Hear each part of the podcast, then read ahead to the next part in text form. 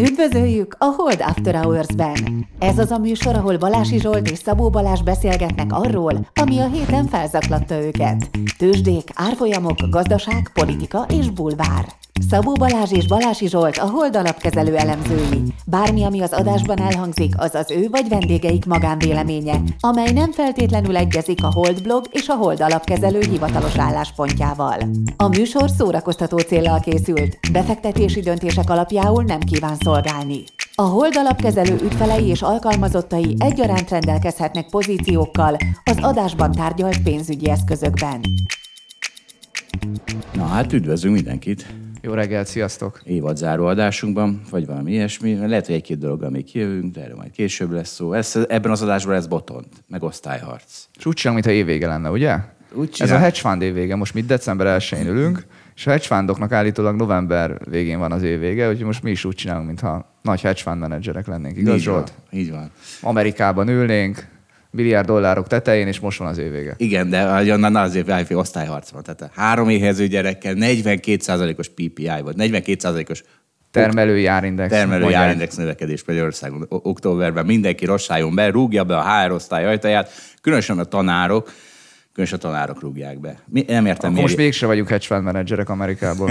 Igen, most hirtelen Hát visszavedlettük. neked három éhező gyerekről kell beszélned, akkor, akkor Hát valami mert- más a helyzet. Mert jön botond és osztályarc van, hát nem érted? De értem. Na, hát fia, az én hobbim az ajtóberugás, így december táján. A Balázsi a kérdőív. Igen, a kérdőív. Mondjál valamit. Hát minden évben kiszoktunk küldeni legalább egyszer egy kérdőívet, és ebben az évben még nem tettük meg, hogy a hallgatók mit szeretnek, meg mennyire szeretnek a podcast témáinkon, a podcast minőségén, Zsolton, Balázson, kivel értenek egyet. Ez a szokásos kérdés, amit minden évben felmérünk. Igen, és a... Na mindegy. Ö, Úgyhogy a legutolsó, ahogy megy ki ez a podcast, ugye a Holdblog cikkbe be lesz ágyazva ez a kérdőív, és akkor ott a hallgatók véleményezhetnek, meg írhatnak nekünk, amit biztosan el fogunk olvasni. Meg majd lehet Facebookon kommentben is kérdezni, de az, a kérdőív az anonim, azt nem tudom. Aki anonim szeretne kérdezni, az, az ott is kérdezhet.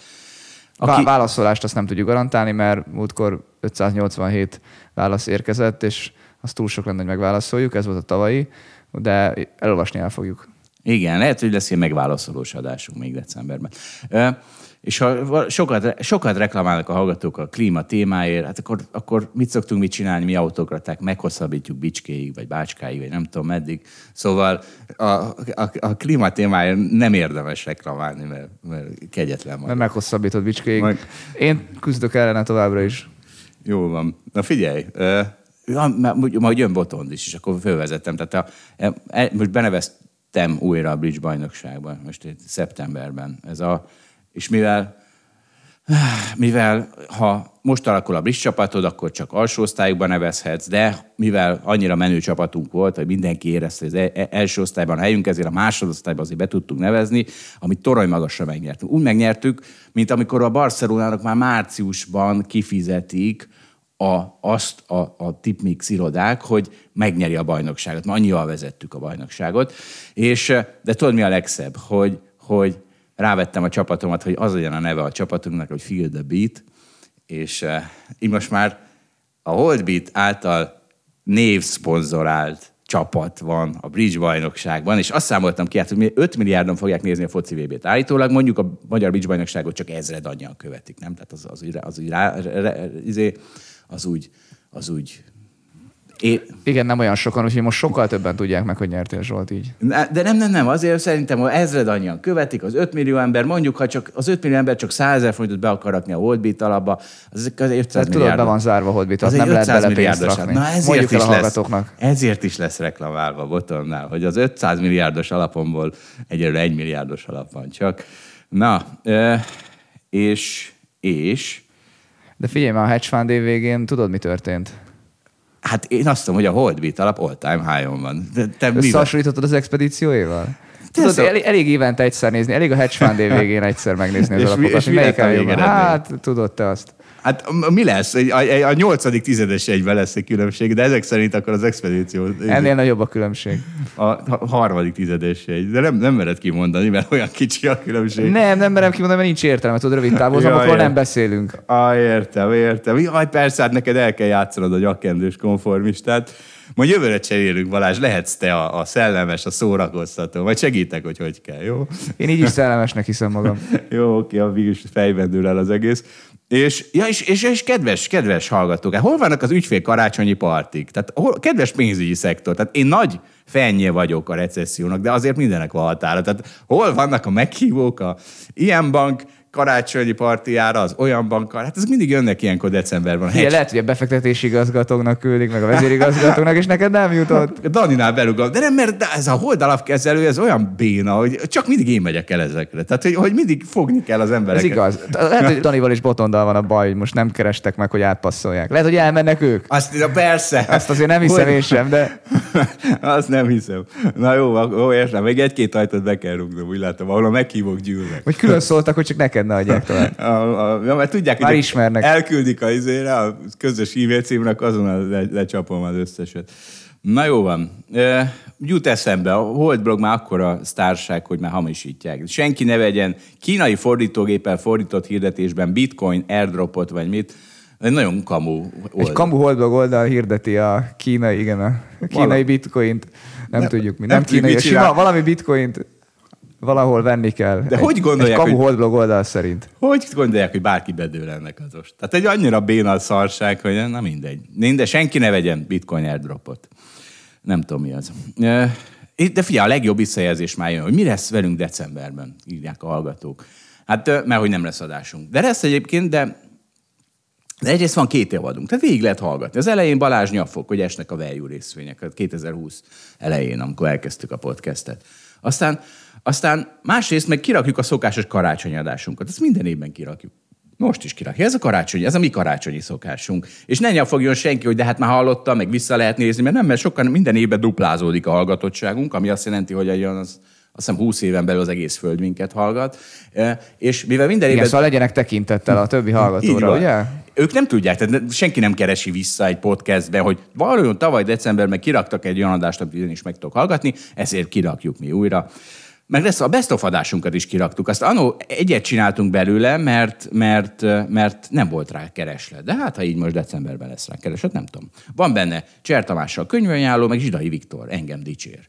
A, a, a... Ja, az a best of adásunk, amiben Zsidé Viktor téged dicsér. A... Mert ezt akartam mondani, hogy a best of adásunk így nézve mindig a Viktoré lesz, mert őt ismerik a legtöbben, és az ő adásai a leghallgatottabb. Nem, nem, nem, nem, az össze van válogatva. Tehát az 2020-21-es adásokból... Ja, hát ez egy szubjektív össze best van... of általad kiválasztva. Objektív. Ob, mi objektív. Tehát a, nyilvánvalóan objektív. Na, és na várjunk csak. És itt egy gyönyörű hallgatói reflexió, tessék. Tessék, mindjárt mondom, mi a gyönyörű hallgatói reflexió. Mondok addig én egyet. Jó. Mondjuk a klímás idiótaságaitól Zsoltnak ki vagyok. Volt többször, hogy ott inkább abba is hagytam. Kb. ilyen lehet Trumpal vitázni. Ha nem értesz vele egyet, az csak hiszti lehet, ha szakmai érvet mondasz, az meg PC terror. Nekem ez volt most a héten a kedvenc hallgatói kommentem. Na most... Úgyhogy gyere te is, csak ezt közbe szúrtam, még keresel. Ezt közbe lehet szúrni, csak akartam mondani, hogy az ünnepi adás is nem lesz bele ennek klíma, de ha elkezdett húzogatni a bajszomat... igazad van, azonnal ha elkezdett húzogatni a bajszomat, akkor bedurulok. Na, tehát de egyébként a gyönyörű hallgatói reflexió is erről szól, hogy, hogy hogy kedves Zsolt, ez vicces, a november 17-i Hold After House adásban elhangzott a következő. Kedves hallgatók, akkor, fogom, akkor fogom abba hagyni a klímaiszti antipropagandát, ha 5000 ekonomiszt előfizetést felmutatnak a hallgatók. Ugyanis én ugyanazt mondom, amit most már az ekonomiszt is, klímara, klímarealizmus. Mindegy. Ennek fényében csatoltam 5000 hallgatói előfizetést az ekonomisztra. Most már tényleg abban maradhat a klímaiszti antipropaganda, mondja ő. És tényleg csatolt egy PDF-et, amiben 5000 oldal van, 5000 darab névvel, meg ekonomiszt előfizetés visszaigazolással. Csak eh, lebukott. Tehát nem merte nem PC-re csinálni, 50% nőt rakott bele. Amikor tudjuk, hogy az ekonomiszt előfizeték közt nincs 50% nő. Megnéztem, 30% van, és még ez is egy nagy, nagyon magas szám. Én 10-re tippeltem volna. Igen, és azért egy pólót megért. Tehát eh, én is elmondom, megért. hogy amit a barátom írt kommentnél, ez jobb, amit most te mondasz. Itt az erőforrást értékeljük, hogy valaki legenerált egy 5000 oldalas PDF-et, Jó, tényleg, ne... tényleg az van, hogy jó, hogy nem lett nagyobb, mert egy 20 megás fájlt küldött nekünk. Igen. Úgy, úgyhogy megszeppentünk volna, hogyha... Jó, hogy nem 50 ezret mondtam. Na, ennél nagyobbat nem is tudott volna küldeni, ugye? Mert a postaládánk megfogta volna 25 megánál, azt hiszem. Akkor jó, hogy mondtam, hogy 5000. Jó, Igen, jó, jól lőtted be. Jól Visszatérve erre, hogy a nők el vannak nyomva, mert csak 30% ekonomiszt előfizető. És megnézted, hogy a 50%-a volt női név? Hát szúrópróba szerűen, ugye ezt hívják, nem néztem még az Mintavétel volt, ugye? Tehát az 5000-ből kivettél százat. Nem vettem ki százat, elkezdtem pörgetni, elkezdtem pörgetni, és láttam, 48 hogy... nő volt, és állítottál, hogy ho-ho, ez nagyon nagy valószínűséggel, akkor itt 50 nő van itt és, legenerálva. És nagy valószínűség generálva van. Egyébként nyilvánvaló. Tehát a nők, a nők el vannak nyomva, azért nem fizetnek el az ekonomiszt, én is agyon csapnám a három lányomat, ha ekonomisztot olvasnának. Hát ez nyilvánvaló. Miért nagy... csapnád őket agyon? Ez vicc, ez vicc. Nem azért nem olvasnak a nők ekonomisztot, mert nem mert el vannak nyomva, hanem mert nem érdekli őket. És azért nem CEO-k is, mert Tudod, nem érdekli összefügghet. Igen, igen, pontosan. Én is erről beszélek. Na figyelj, és nagyon vicces, mert az Economist... Nem, nem arról beszéltél, de mindegy, menjünk tovább. Az Economist el szeretné érni, hogy több női előfizetői legyen, úgyhogy nőnapon előállt ingyenes tartalommal, és megmondom, mi az ingyenes tartalom, 10 inspiring women, tehát tíz ilyen lelkesítő nő, mit tudom, egy példamutató nő, mint az aktivista Betty Friedan, aki fogalmam sincs, hogy kicsoda. Szóval, hogy Mit csinál az Economist, hogy a nők is olvassák? Nők lapját csinál az Economist. Mert könyörgöm, az Economist az gazdaság, politika, ráció, stb. Erre ezek berakják a Inspiring Women. Tehát komolyan influencereket raknak bele női influencereket, mert akkor majd hallgatják a nők. De hát akkor, akkor, akkor, érde, akkor sem értem, hát akkor nem lesznek okosabbak tőle, akkor influenzáltabbak lesznek tőle. Na jó van. Ö, és ki lesz kérdezve? Itt a 5000 hallgatói előfizető, akkor viszont mindenkinek klímarealizmus felé kell tendálnia, és az lesz a belépő kérdés a kikérdezésben, hogy a szakadék felé szágoldunk-e. Meg, nem mondom meg, mi a jó válasz, de mindenki sejti. Na, ö, na de most nem, de már nem lesz, nem lesz klímaváltozás. Na, meg kivertétek belőlem a nonkonformistát, tessék, ennyire kivertétek belőlem. Ismered Balázs azt a viccet, hogy két konformista beszélget? Nem ismerem. Persze, hogy nem ismered, mert abban semmi vicces nincs. Sőt, szórakoztató sincs, érted? Tehát a, a, a, a, olyan nincs. Tehát érted, egy unalmas podcast lesz, ha kiveritek belőlem a nonkonformistát, hogy jaj, Istenem, már most tudom. Na, Pál viszont konformista. A, a, tehát a, a Pál, tudod, Jerome Pál. Ja, ja, átértünk igen, igen. a piacak. Tegnapi napra átértünk. Vezest föl te. Igen. Én, én majd tromfolok. Figyelj, ezen az év végén, a hedge fund év végén két dolog is megtölt, ugye beat alap, két alapunk közül ugye hátul kullog, és a másik, hogy... Század százalékokról, ami... század százalékokról van szó, nem, igen? Nem, nem, nem, nem tudom, mindegy ezt tényleg csak a vicc kedvéért mondjuk, rövid távozamot nincs értelme nézni, és ezzel együtt megdőlt a Fatcore, hát jött Jerome Powell, elkezdett beszélni, és a 4000-es S&P még följebb ment.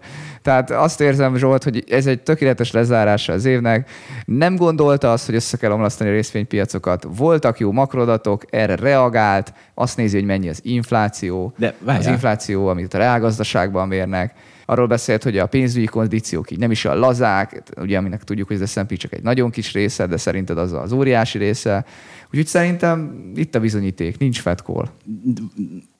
Ez tudod, mire bizonyíték, hogy Powell egy konformista, mint te. Tehát nem meri kimondani azt, hogy a Fednek... A, kett, a kettő ugyanaz, Zsolt. Ha konformista, akkor nincs call.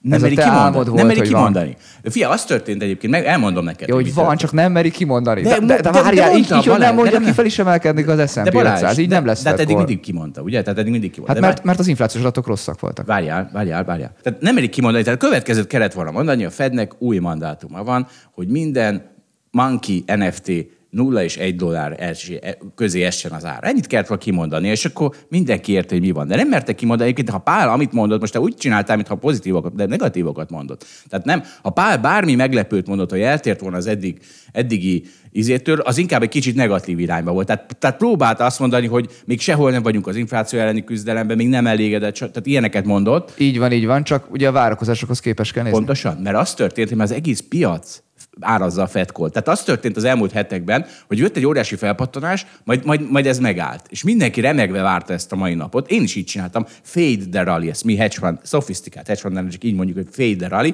Folyamatosan adtam bele a rallyba, és vártam a tegnapi napot, és és eljött, és a, és a, fel, és a pál már nem bírt elég negatív. Tehát annyira, annyira el akart pattani a piac, hogy, hogy ennél nem tudott elég negatívat mondani a Pál, mert, mert konformista. És, és ezért fölpattant a piac. Na, de hát ilyenkor a jó hedge fund manager az észreveszi, hogy mi van, és, és beáll abba az irányba. Ö, mert figyeli, hogy Pálnek sikerül le, leverni a piacot, nem sikerült, mert már annyira azt várta a piac, hogy Pál leveri a piacot. Tehát érted, azért annyira fetkolva, hogy már az egész piac ezt várta, és ezért, ezért nem működött a fetkol.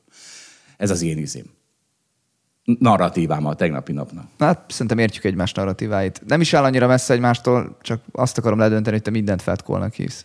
Igen, Pavel figyel arra, hogy ne legyen hirtelen túl az, ezzel egyetértek, és kommunikációban ezt próbálja megtenni, de hát már ez sem elég, hiszen valahol elismeri, hogy vannak olyan adatok, amik arra utalnak, hogy az infláció tetőzik, és már ez is elég az emelkedéshez.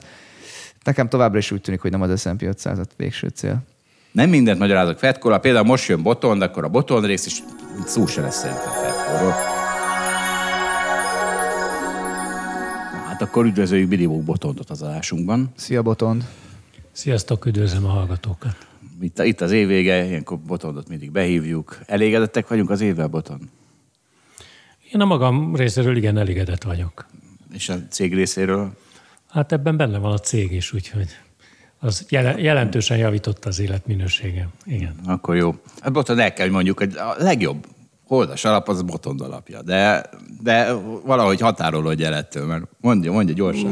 Mindig elmondom, hogy az éves hozamoknak az égvilágon semmilyen jelentősége nincs, az öt éves nézzétek, és akkor Rögtön és akkor, más a kép. Akkor nem az a legjobb. De idén valami 20% fölötti hozzám. Miénk a Balázsjal 5 Balázsnak is 5 Enyém 12 volt. Tizen... Na jó, igen.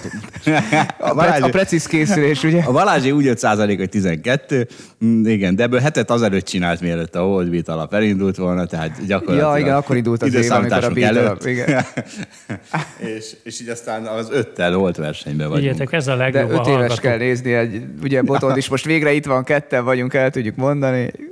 Az a, az a jó ebben, hogy a, hallgatók megtévesztésére ez a legjobb, amikor hétről hétre elmondjátok, hogy plusz, mínusz, plusz, plusz, és az ember a végén már fogalma sincs, egy hallgatónak fogalma sincs, hogy mit kezdjen ezekkel a számokkal. Menjen fel a Bamoszra, és, és ott minden ott van fehéren, feketén.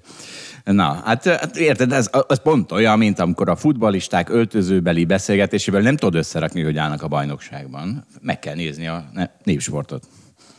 Egyébként boton meg, megúsztad. Tehát ugye az volt a terv, hogy évvégén ide bejössz, és felelősségre volnak, hogy hogy, hogy nem rakhatnak végtelen pénzt az ügyfelek még mindig a Holdbeat alapba, aminek a négy éves hozama, legalábbis Balázs is volt az a, az a legjobb a világon, de, de az idei elmaradt, tehát egy ilyen 15%-kal elmaradt az idei hozamom a, a vártól, ugye már a várt 20% helyett, és hát ha csak nem erősödik mondjuk 200 alá az euróforint itt a következő egy hónapban, akkor valószínűleg nem lesz 20 tehát akkor lesz 20% a hozamom.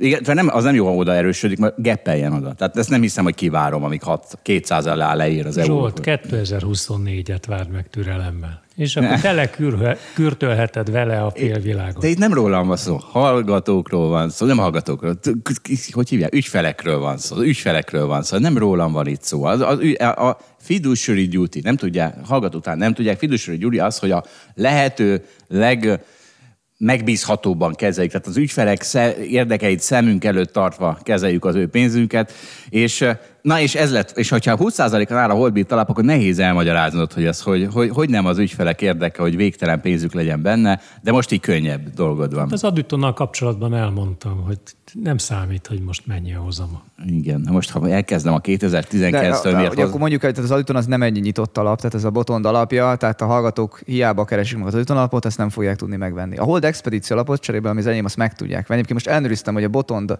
alapjának az induláskori hoza, indulás óta hozama meg az Expedit az éppen megegyezik 8,3%-on áll. Zsolt, ha betelt a három éved, akkor, akkor neked is Jó. majd ott azt lehet nézni. Balázs, Végre ezek, ezek hosszú... lesz. Tudod, Igen. hogy ez mekkora érték? Balási Zsolt hozzá menni jóval magasabb. Lesz, csak, lesz csak, talán, ha így lesz, Csak Zsolt, nincs fenn a Bamoszon. Hát most ilyen, ilyen apró, apró szépség hibája, vagy nincs fenn a Bamoszon. Na de, na de, és akkor most jön a, most jön a, mi jön most? Hogy ha már ennyit beszéltünk arról. Tehát ennyit beszéltünk arról, hogy... hogy Lehet alap... egy rendkívüli bejelentésem? Mondjad a rendkívüli bejelentést. Az inflációra való tekintettel meg fogjuk emelni a fizetéseket. Na, ja, én például ezt, ezt akartam még itt, köszönjük szépen, Boton, ezt akartam itt. 18 százalék, Boton, 18 százalék a reál. A, izé. Dehogy is sokkal több, Zsolt. A, no, Már 21, és évvégére 25-öt Én nem az jósolnak. Te inflációt nem mondtam. tudsz Én a- tárgyalni? én a átlag- nézted Jó, meg? Le- legalább, jó, oké. legalább amikor fizetésedről van szó, nézd már meg előtte azt a számot. Számol. Tehát egy hedge fund menedzsernek tudod, nincs arra ideje, hogy ezt ilyen, a fizetését ilyen pontosan számolgassa, hogy a hozamot számolgatja. Nagyon rendes, mert akartam, és majd kifelejtettem. Tehát 18% ugye az a, az, a, az a bérnövekedés volt, a bruttó bérnövekedés a most, a most vért. 12. Na, de hát a magasabbal érvelje a munkaadódnak. Jó van. Hát én 18 elégedett lettem volna, most lehet, hogy rontom az alkupozíciómat, de legyen 21, te- Illetve, tessék. illetve azt mondanám, hogy ha itt van ez a nagyszerű hold after hours, akkor arra is használhatod, hogy elmond a hold beat alaphozamát, és elmond a hold beat alap reálhozamát. azt nem mondom el. Illetve, azt nem, de azt nem tudjuk, hát nem tudjuk a március óta eltelt, mekkora, mekkora infláció van. Hát De, de, de, hát erre pont van elég tudjuk. Azt hiszem, hogy Sajnos- viszonylag könnyen ki tudnád számolni. Viszonylag könnyen ki tudnám számolni, de nem számolom ki. Na, eh, megmondom, hogy mi van. Ja, hát akkor nem is kell lobby, hát ebből volt, hát ki, ki, ki húztad a, a, a Dr. House-ok, a negyedosztályú elit és a három gyerekes családopák. Azt is elárulom, hogy a tulajdonosok már nyáron, nyáron beszéltek erről. Nyáron akkor még nem is tudták, hogy mekkora végén, szeptember elején. Hát azt nem tudták, most sem tudjuk, hogy mennyi lesz, azt sem tudjuk, hogy mennyi lesz jövőre, de azt láttuk, hogy ezzel viszont kezdeni kell valamit. Na, hát akkor ö, otthon túró rudit kapnak majd gyerekeim. Extra. A, a nagyobbat. igen. Extra rudi, a nagyobb, ez egy XL-es. Na, figyeljetek, és akkor ennyit beszéltünk ezekről az alapokról. Akkor, fö, fö, akkor hogy könnyebb legyen ugye előgazodni az ügyfeleknek, OVK-ról lesz most viszonylag só, ezért ez az online vagyonkezelésünk. Erről mindjárt majd Botont fog többet beszélni, de én be- bevezetem három mondatban, mert pont most jött össze ide, ja, még el sem mondtam nektek, minden most nem is fogom, hogy más, csak Köszi, egy kicsit. köszi, oké. Másodosztályt, Bridge-ben másodosztályt, az első osztály mögötti másodosztályt megnyertük torony magasan, csapatbajnokság, és miközben aranyéremmel a nyakamban mentem ki a teremből, oda jött valaki hozzám, hogy Zsolt, figyelj már, segíts nekem befektetési tanácsadással, mert néztem ezt az OVK-tokat, és hogy ez a, ez a és akkor mondott egy számot, hogy, ez a 3 ez nekem soknak tűnik, majd mindjárt Boton ezt kiavítja, ez nem 3 szóval, hogy soknak tűnik, és akkor segíts neki, és akkor tök egy, nagyon jól meg tudtam fogalmazni, azt hiszem. Tehát van három út, szerintem egy kis befektetőnek. Az egyik, hogy elmegy például egy broker céghez, ami lehet a Robinhood, vagy a nem tudom mi, e-trader, tehát bármi, és ő vesz magának, meg ad részvényeket, kötvényeket, devizákat. Ez rohadt sok energia. Ez, ez, egyrészt ez rohadt sok energia, és, és ezt mondtam a, ennek, a, ennek a lánynak is, hogy ez rohadt sok energia, és garantálom, hogy szopni fogsz.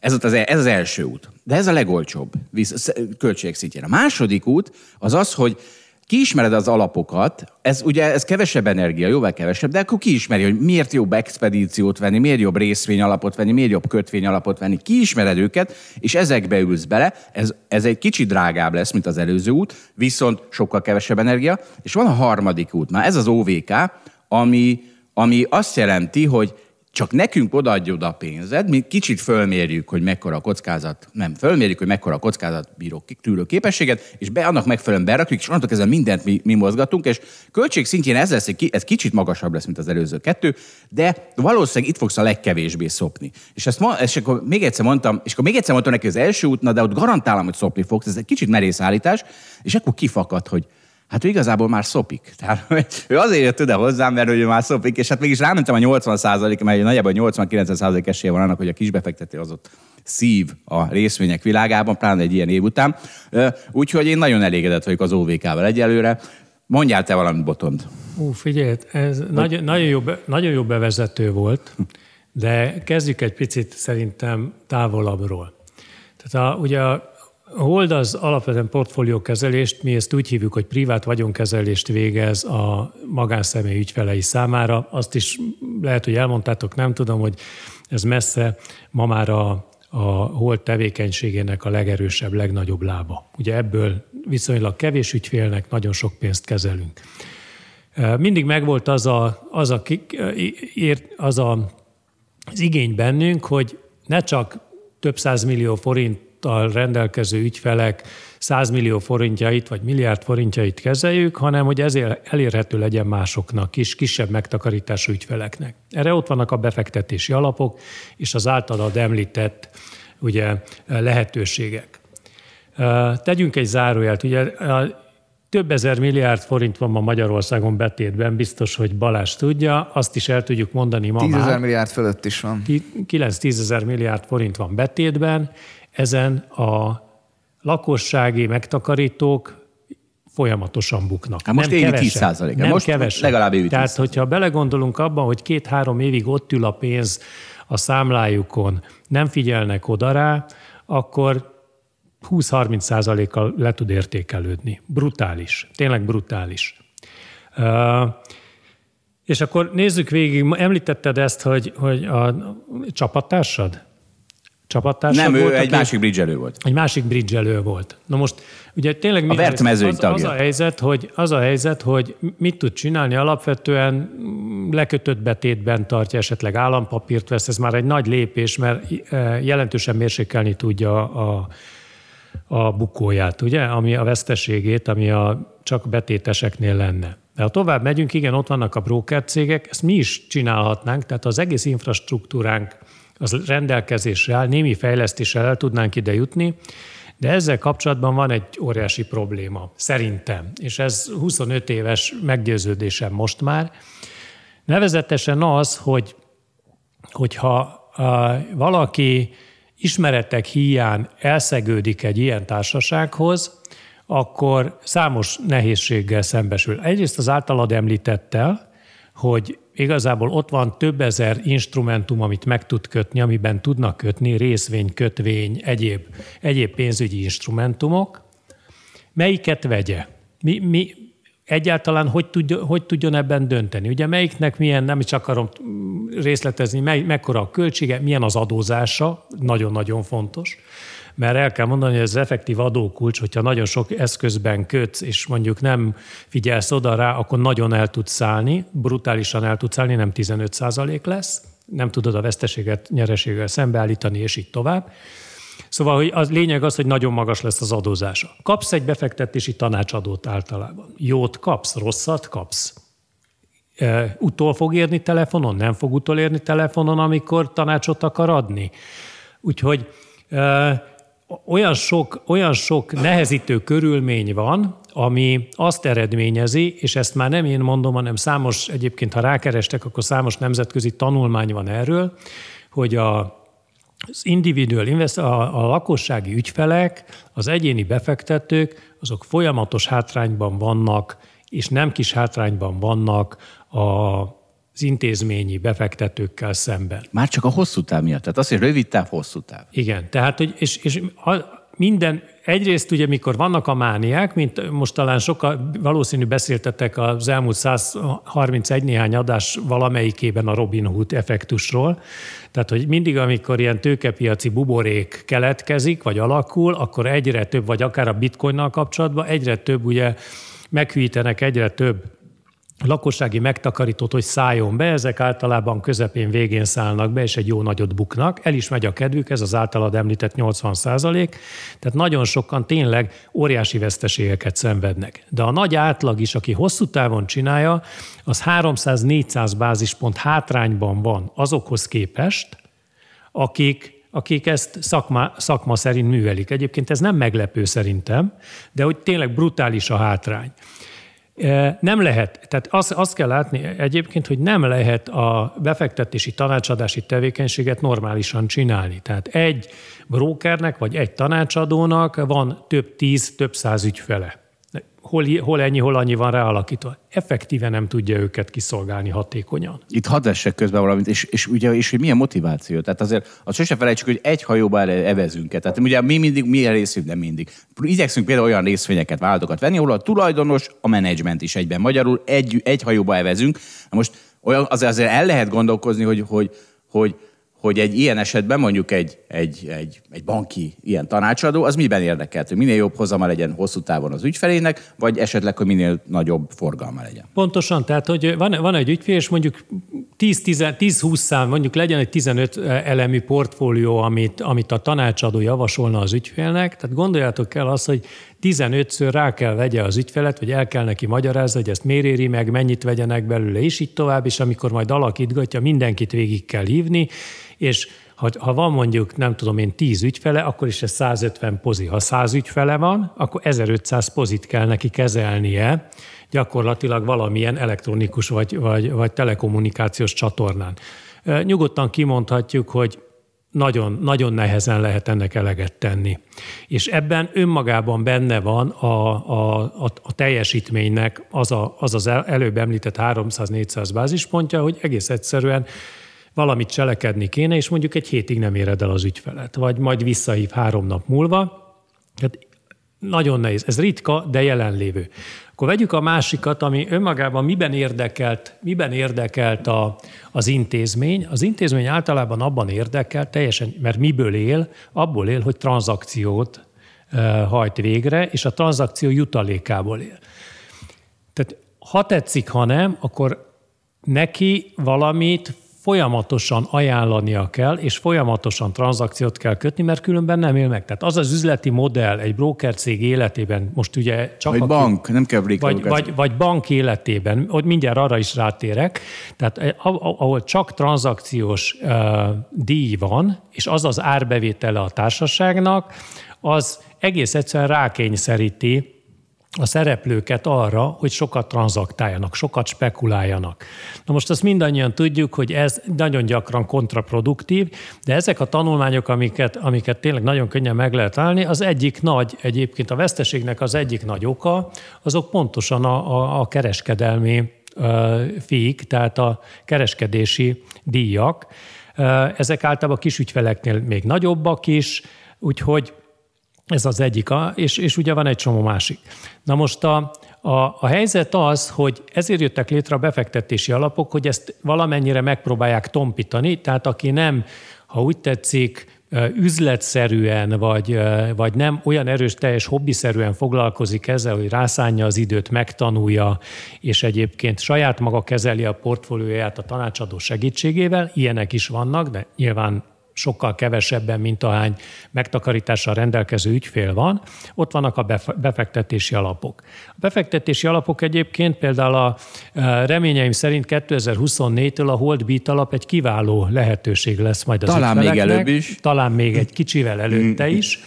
De a helyzet az az, hogy, hogy nagyon nehéz lesz majd eldönteni, hogy a Hold Beat alapot, az expedíciót, a Columbus-t, a Rubikont, ugye ezek csak a Hold alapok, és hogyha csak a magyar piacra tekintünk, akkor ott van több száz alap. Több Ezt én se, tudom el, alap. én se tudom eldönteni, amikor fölhív egy ismerősöm, hogy jó, és akkor melyiket vegyen, és akkor most, akkor most, most akkor a Zsidai Viktor alapját vegye meg, vagy a Balázsét, vagy a, vagy a Muric Danét. Tehát ne, ne, most hogy mondjam? Így van, ez, ez komoly nehézséget okoz. Ugye mi szokott lenni önmagában a, a, a válasz, hogy ebből is, abból is, amabból is, de hogy, hogy ez be kell látnunk, hogy ezek nem túlságosan, nem túlságosan szakavatott válaszok, hanem, hanem nagyon sokszor Főleg a közelmúltbeli teljesítmények, ugye az egyéves teljesítmények jelentősen tudják befolyásolni. Egy, egy hétköznapi ügyfélnél egész biztosan mindig azt akarják megvenni, ezt tapasztalatból tudjuk, azért telefonálnak, hogy hogy lehet megvenni éppen az elmúlt negyed, fél vagy egy évben legjobban teljesítő alapot. Senki nem nézi, hogy három-öt évben, három-öt-tíz év alatt ki mit ért el. És itt is az a helyzet, hogy a, a bankoknak a, a privát banki üzletágai, akik egyébként nagy értékesítői a befektetési alapoknak, ott is az az egyik incentív, az egyik erős motivációs tényező, hogy legyen tranzakció, mert ott is van tranzakciós díj. Ezzel nincs különösebb baj, ez, ez, ez ilyen a piac, tehát ebben van verseny, és ezért megint csak nehezebbé teszi, mert egy alapba szerintem, ha valaki elkötelezi magát mellette, a legjobb az, hogyha évekig nem száll ki belőle.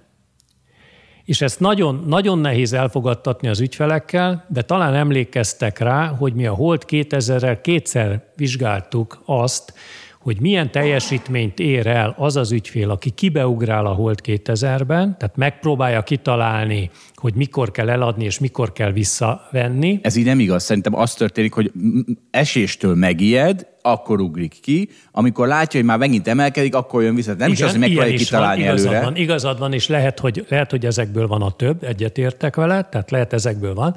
Az egész sztori az úgy kezdődik, hogy olvastunk valamelyik, azt hiszem a Market Watch-on egy, egy, egy cikket, hogy valamik nagy amerikai bank megvizsgálta az ügyfeleit, és arra jutott, hogy aki állandóan ugrándozik a, a, a, a befektetési alapok között, és, és próbál időzíteni, az 6% ponttal rosszabb teljesítményt ér el, mint aki megvesz és hosszú távon ül benne. Tehát, és tehát, tehát, tehát 10, 20 helyett 14. 6 százalék pont a hosszú távú különbség, és azért vizsgáltuk mi a Holt 2000-re, mert az egy 1997 óta nyilvános alap, tehát nagyon hosszú idő állt rendelkezésre, hogy ezt meg tudjuk vizsgálni, és partnerre lehetünk a forgalmazóban is, az egyik forgalmazóban is, és ami meglepő, ennek nem kellene így lenni, de ott is az jött ki, hogy 6% pont volt a különbség. Egyébként Csertomi volt a, a kezdeményezője ennek, hogy nézzük meg, úgy emlékszem, de még jobb, mert valamelyik nap volt egy sajtóbeszélgetésünk így az OVK-ról, és a Tomi akkor említette, hogy Egyesült Államokban egyébként megnézték, hogy melyek a legjobban teljesítő portfóliók. Melyek? Én tudom, ezt már többször elmondtuk ja, itt az okay. adásban, de ki mondja meg? Ki mondja Én, akik, akik meghaltak, vagy akik elfejtették a jelszót. Ez, az ez más, a két jó stratégia van. Az már bitcoinra vonatkozik. Gyakorlatilag. Nem, nem, Zsolt. Igen, ez a legdurvább, ez a legdurvább, hogy ezeknek volt a, ezeknek volt a, a legjobb hozama. Tehát ez arra, arra világít rá, hogy mégiscsak egy szakma, mégiscsak van egy csomó olyan dolog, főleg a türelem, amit, amit nem biztos, hogy egy hétköznapi ember tud gyakorolni. Valószínű, hogy aki foglalkozik vele, az sokkal jobban opportunista okból jobb eredményt érjen el, mint az átlag, vagy mint a kisbefektetők, rá tudja magát ö, venni.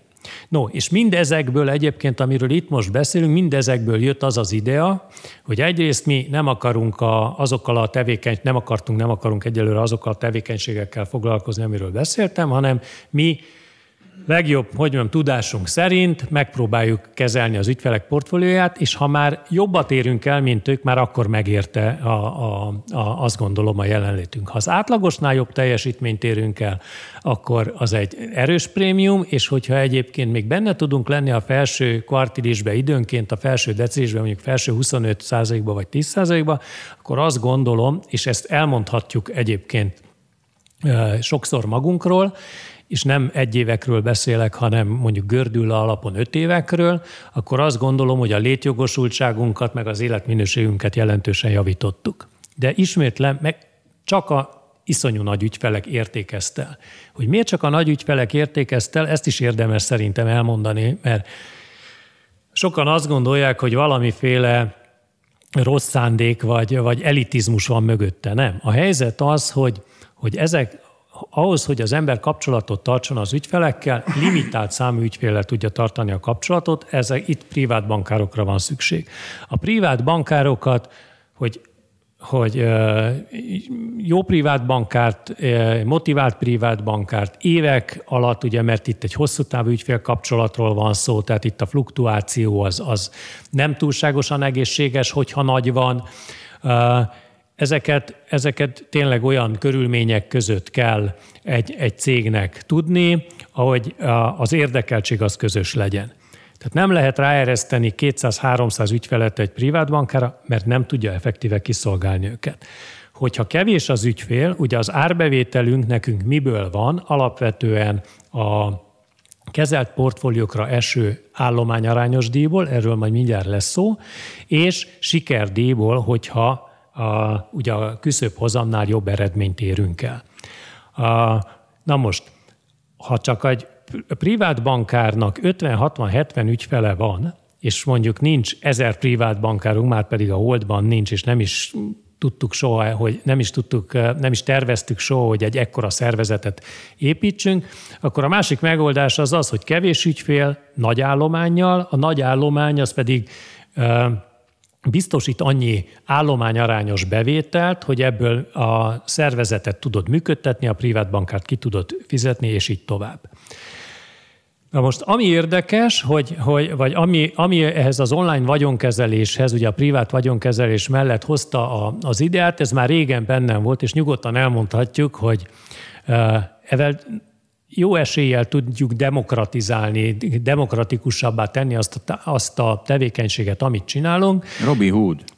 Ez nem Robin Hood, mert itt nem, a, a, nem hűítjük az ügyfeleket, hanem alapvetően ugyanazt tudjuk nekik nyújtani 80 ban mondjuk, mint a, a nagy privát ügyfeleknek, de azzal egyébként, hogy itt van ez az online internetes technológia, ezzel gyakorlatilag meg lehet azt oldani, hogy nem lesz mellettük privát bankár, de ugyanolyan körülmények között és ugyanolyan szerződéses viszonyban tudjuk kezelni ezeknek a, a kisebb megtakarítással rendelkező ügyfeleknek a pénzét. Igazából ez, a, ez az egésznek a, az alfája és omegája, hogy mi kezeljük. Ugye az elején említett minden, hogy mondjam, nehézséget azért sokkal jobban ki tudunk küszöbölni, mint hogyha az ügyfelek saját maguk kezelnék a pénzét. Mi nem fogjuk őket hívogatni, hogy egyik alapból vagy egyik értékpapírból ugráljanak át a másikba, hanem mi magunk ezt meg fogjuk csinálni, és megcsináljuk ugyanúgy, ahogy a nagyon gazdag ügyfeleinknél. És hogyha nagyon gazdag ügyfeleinknél ez egy működőképes modell volt, akkor lehet abban bízni, hogy ezek, ez, ennél az ügyfélkörnél is e, ez működőképes lesz. Ugye itt e, e, erről nekem az jut eszembe, hogy egy nagy ügyfél, egy gazdag ügyfél, az már nem szeretne meggazdagodni a pénzéből, az egy folyamatos, stabil hozamot szeretne, és nem szeretne nagy bukókat, míg ha valaki meg akar gazdagodni, annak nem ajánljuk az óvékát, nem? Tehát, hogyha valaki jövőre duplázni szeretne, az felejts el az OVK-t. Az felejts el, igen. De tehát tényleg itt arról van szó, hogy az a pénz, amivel az ember nem akar napi szinten mit kezdeni, de hosszú távon biztonságban akarja tudni, és akar rajta egy korrekt jó hozamot elérni, az annak javasoljuk. Tehát erre gondolhat úgy, hogy tényleg három-öt évig nem, nem nincs esetleg szükség erre a pénzre. Technikailag egyébként oda-vissza lehet tenni ezt a pénzt napról napra, csak nem ez a célja ennek a szolgáltatásnak. Tehát ki lehet venni, meg bármikor be lehet tenni ezt a pénzt viszonylag gyorsan, de nem, e, nem, ez, a, nem ez a lényege neki, hanem az, hogy a, az ügyfél erről hogyan gondolkodik. És akkor tényleg az van, hogy most már itt nincs minimum 80 milliós limit, hanem egy, hanem egy nagyon alacsony limit van. Még ahhoz akartam hozzászólni, Zsolt, amikor elkezdted a sales pitch hogy a három út van, ugye van, hogy magadnak kezeled, van a broker segítségével kezeled a pénzed, és van, hogy adod Nem, van az, kezelésben. Van a broker, van az alapokat veszel Bocsánat, magad... igazad, már rosszul mondtam. Van a broker, az alap, a, Ugye az, hogy melynek is mondtad, hogy így végvetted, hogy legolcsóbb, drágább, leg, legdrágább. Hát ez egy hülyeség volt, tehát a egyes, egyes meg a kettes is lehet drágább, mint a hármas. Ugye attól függ, hogy az ügyfél az milyen időközönként cseréli le az alapját, meg milyen időközönként trédel. Ha valaki rengeteget trédel magának, akkor lehet, hogy, és főleg, hogyha kis befektető egy platformon csinálja, akkor az, az sokkal drágább is lehet összességében. Tehát nem 10 bázispont megvenni egy részvényt, csak akarom mondani egy kis befektetőnek. Nem úgy, mint egy, mint egy intézménynek, aki ugye le tudja alkudni ezeket az árakat. De nem akarok belemenni ebbe a költségjátékba, csak azt akarom mondani, hogy összességében üzenet az, hogy ha nem cseréled le nagyon gyakran a portfóliót, az egy költséghatékony dolog, és éppen ebből fakadóan nem egyértelmű, hogy a, a brokerrel a legolcsóbb, vagy a legdrágább, Jó, vagy az alapban a legolcsóbb, vagy a legdrágább, vagy a vagyonkezelésben. Azért nem így, tehát hogyha valaki beleül tíz darab részvénybe öt évre egy broker cégnél, akkor az sokkal olcsóbb. És szerinted ez szokott történni, hogy valaki nem ez szokott nem, történni, csak az hányszor történik meg? Én nem tudom. Szerintem nagyon. Az, az hogy valaki beleül tíz darab részvénybe öt évig egy broker cégnél, szerintem elképesztő ritka. Tényleg. Azt gondolom, hogy majd kérdezzünk, kérdezzünk meg broker céget, de a lényeg az, hogy igen, tehát, hogy lát, ismerjük a broker cégeket, láttunk, iszonyú profik vannak, nagyon jók, tehát azt gondolom, hogy annak az ügyfélnek, aki el tudja dönteni, hogy milyen portfóliót akar kialakítani magának, van ideje vele foglalkozni, és így tovább, az, az nyilván ne, ne is hozza hozzánk, tehát hogy semmi értelme meg alapkezőben, még, még alapba se tartsa. Csak hogy ilyen ügyfél azért relatív kevés van, sokkal-sokkal több van azokból, akiknek ott áll ugye betétben a pénzük, vagy valamilyen állampapírban, nem különösebben diversifikált a, a portfóliójuk. Tehát azt gondolom, hogy, hogy, hogy maga az OVK, mint gondolat, az, az, az így elég érthető, vagy remélem, hogy érthető. Ami igazából még érdekes nekem, hogy akkor, amikor ez megfogalmazódott bennünk négy-öt évvel ezelőtt, akkor akkor nézegettük, hogy a nagyvilágban van erre példa. És ami meglepő, hogy nem találtunk rá. Tehát nem találtunk olyan benchmarkot, hogy hú, itt van valami, na ezt próbáljuk meg lemásolni, próbáljuk adaptálni a helyi viszonyokhoz, és, és próbáljuk próbáljunk így szolgáltatni. Tehát ami szerintem cég szempontjából ennek a, a kockázata az az, hogy ehhez hasonló, ehhez fogható, ahogy mi ezt elképzeltük, elkészítettük, és ahogy tervezzük csinálni, sajnos nincs.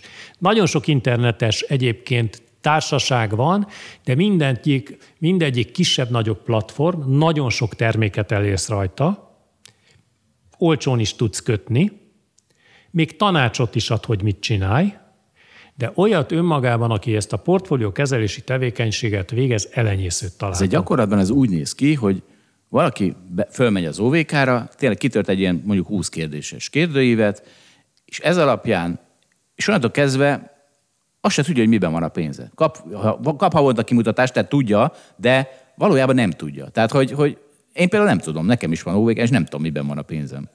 Miben van a pénzem, Boton? Az a hely, most mondom, tehát hogy a, a második, tehát az, ez, amit elmondtam alapvetően, de látom, hogy Balázs is akar valamit, mond, mond Balázs aztán.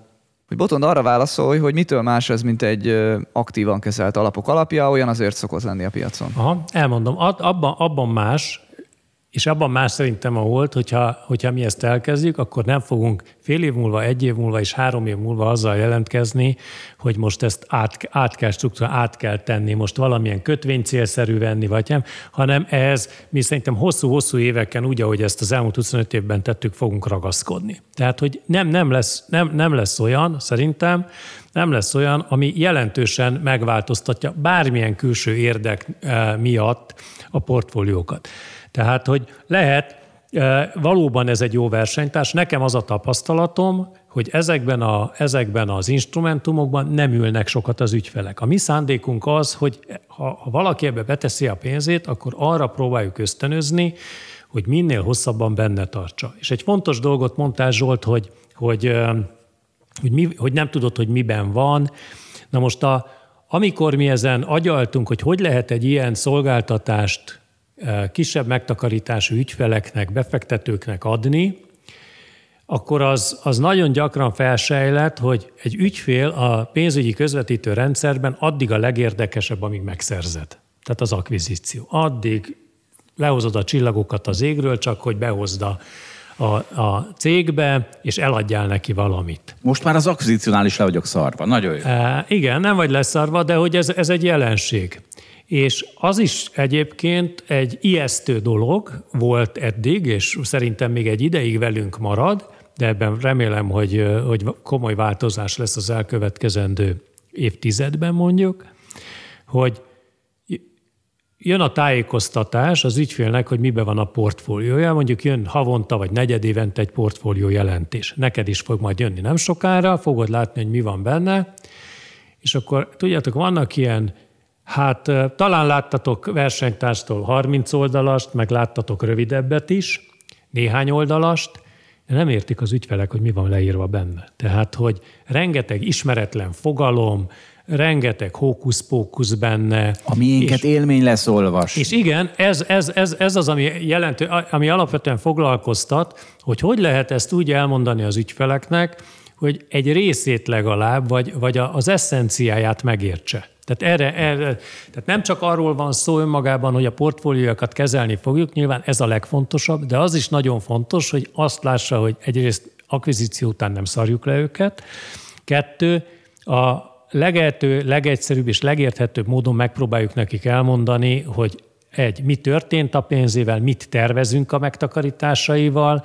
Egyébként, hogyha van jelentős olyan esemény adóban, vagy márben felhívjuk a figyelmét, hogy ezzel foglalkozom, meg hogy miért érdemes rendszeresen megtakarítani, bla, bla, bla, ezt mindenki csinálja de hogy ennek egy, egy meglehetősen rendhagyó formáját alakítottuk ki. Fogalmunk sincs egyébként, hogy ez sikeres lesz, vagy nem, vagy hogy ez eléri azt a zinger küszöböt, hogy valaki, mint, a, mint ami ma van, hogy három-négy bekezdés olvasása, olvasása után abba hagyja, mert egész egyszerűen nem, nem él ebben, és nem érti, hogy mi történik a, a portfóliójával. Tehát arra fogunk nagyon minden erőnkkel tényleg törekedni, hogy értse, és hogy nagyon részletes tájékoztatást nyújtsunk. És akkor térjünk át arra aztán elég sokat a költségek. Tehát az, abban, is, abban is nagyon, hogy mondjam, radikális szeretnék lenni, vagy én legalábbis magam részen radikális vagyok, hogy a, a díjakat és a díjterhelést azt mutassuk ki.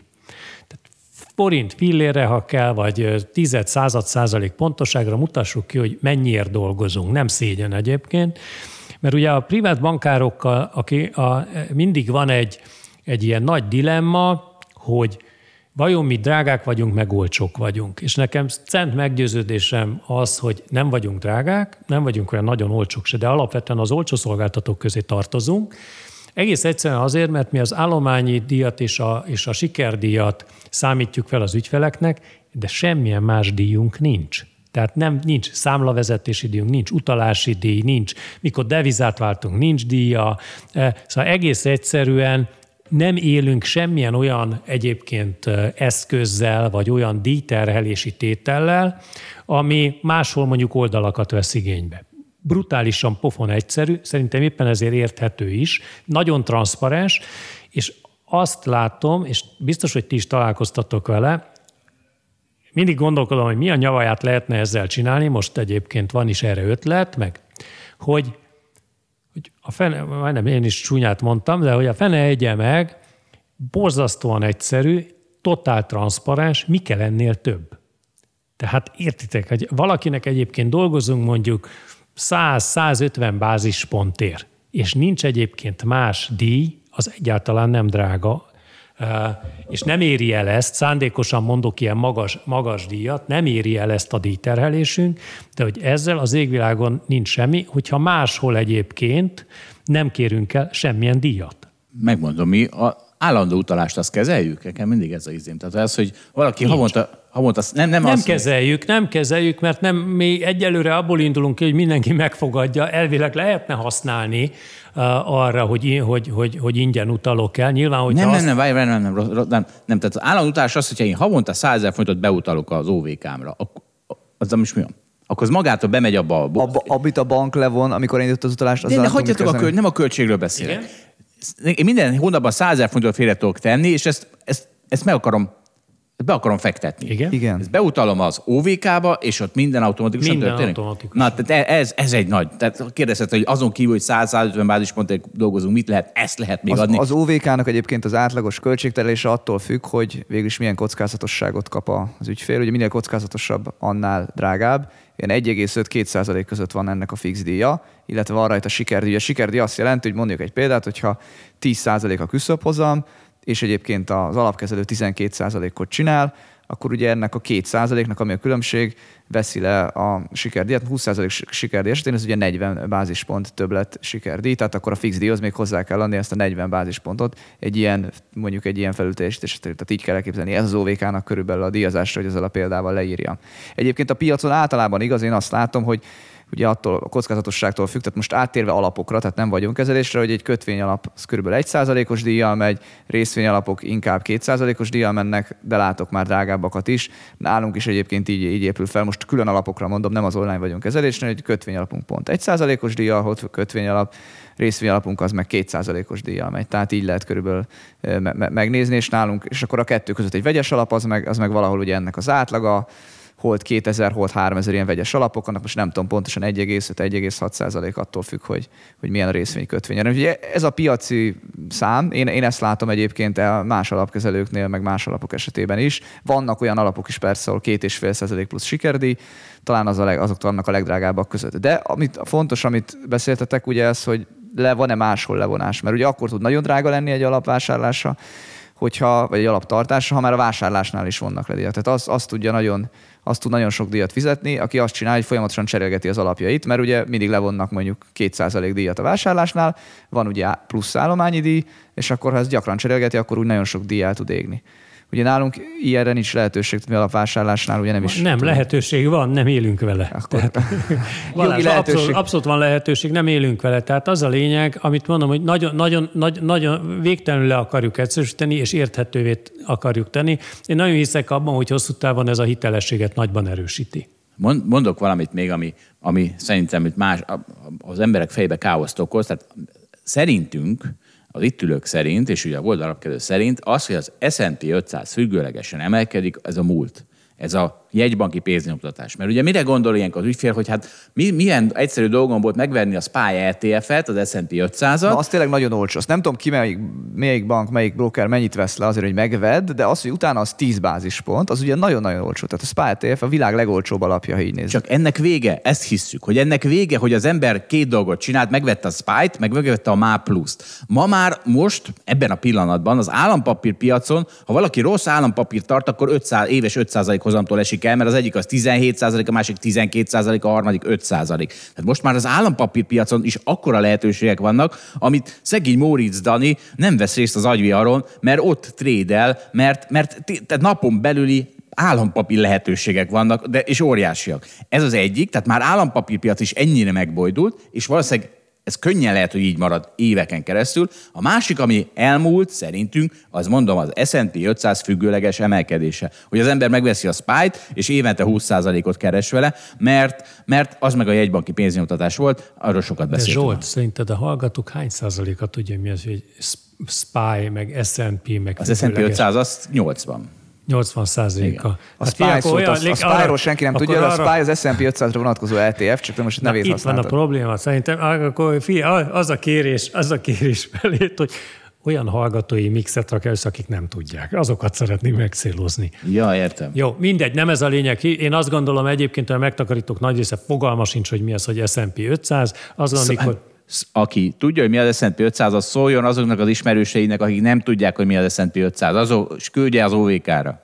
Igen, nyugodtan elküldheti egyébként, de majd mi is dolgozunk azon, hogy, hogy ez valahogy világos legyen legalább egy szűkebb, bővebb megtakarítói körnek. De ez a probléma, hogy, hogy ezzel sokan nem is akarnak foglalkozni. Meg tudod mi van, hogy amikor majd 10-15 százalékot esik, akkor elmegy a kedve tőle, hogy ő ebbe tartsa a pénzét. Tehát a, a probléma az az, hogy mindenki a hozamokról beszél, és a magyar, meg a kontinentális európai befektető az sokkal inkább kockázatot szeret, szerintem valamilyen, vagy szeretne valamilyen módon kezelni. Nyilván borzasztó nehéz, mert olyan nincs, hogy, hogy, hogy mindig csak a jóból részesülünk, hogy amikor keresni lehet, akkor keresünk és sosem bukunk.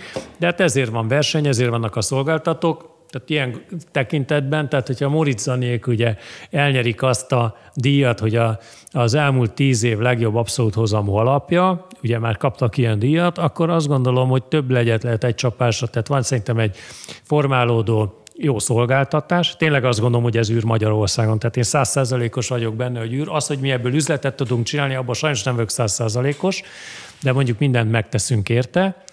Van egy olyan csapatunk egyébként, aki az átlagosnál legalábbis az elmúlt 25 évben, ez még egy nagyon fontos dolog, portfóliókezelőknél és privátbankároknál is, hogyha kicsi a, a fluktuáció, akkor ugyanazok az emberek vannak az alapok mögött, vagy a kezelt portfóliók mögött, mint akik voltak az elmúlt időszakban. Tehát Warren Buffett is, hogyha a Berkshire majd tehát kicserélődik a, a, a menedzsment, ami már egyébként formálódik, akkor akkor lehet, hogy megváltozik. Nagyon sok alap mögött, alappal, befektetési alappal az a probléma, hogy időközben tartott benne a pénzt, de időközben jelentősen megváltozik a mögötte levő infrastruktúra. Tudunk ilyen alapot mondani Magyarországon, nem egyet. Tehát ahogy a portfóliókezelők átszerződnek egyik helyről a másikra, az nyugodtan eh, eredményezheti azt, hogy a, a, a saját teljesítményét, múltbéli teljesítményét viszi egyik bankból a másikba, vagy egyik alapkezelőből a másikba.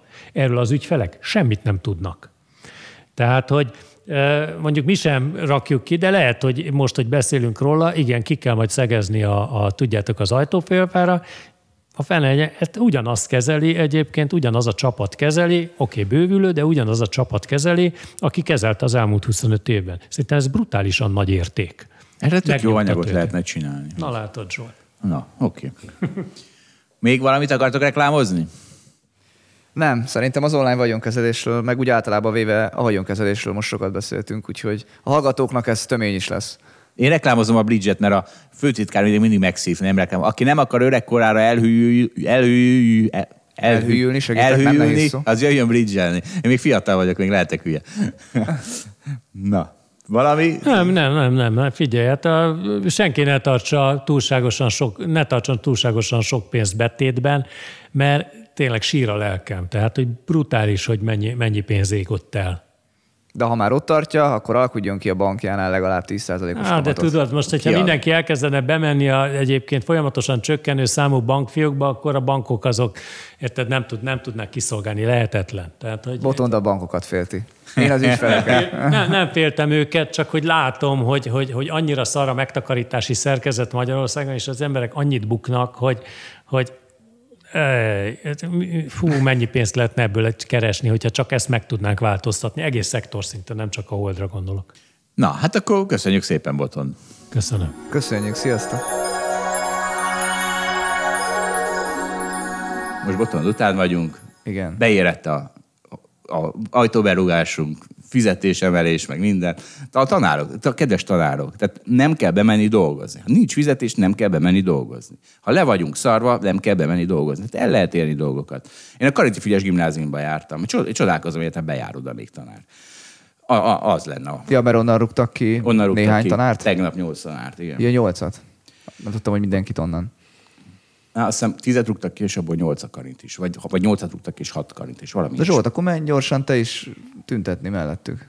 Én itt tüntetek. Tehát valószínűleg ez egy nagyobb horderejű tüntetés, mint ha ott állnák, akár meg. Na azt mondogass, hogy a helyükben nem mennél be dolgozni, hanem menj ki mellettük tüntetni. De miért? Hát a, a, itt a podcastben azért ez nagyobb, érted? Tehát itt nagyobb az elérésem, mintha, mintha az én De test... rajta lennél a képen, hogy hányan. Jó, de most tedd hozzá, hogy me, akkor hány százalékkal nő a tömeg térfogat, ha én ott állok, és hány Sokkal. százalék...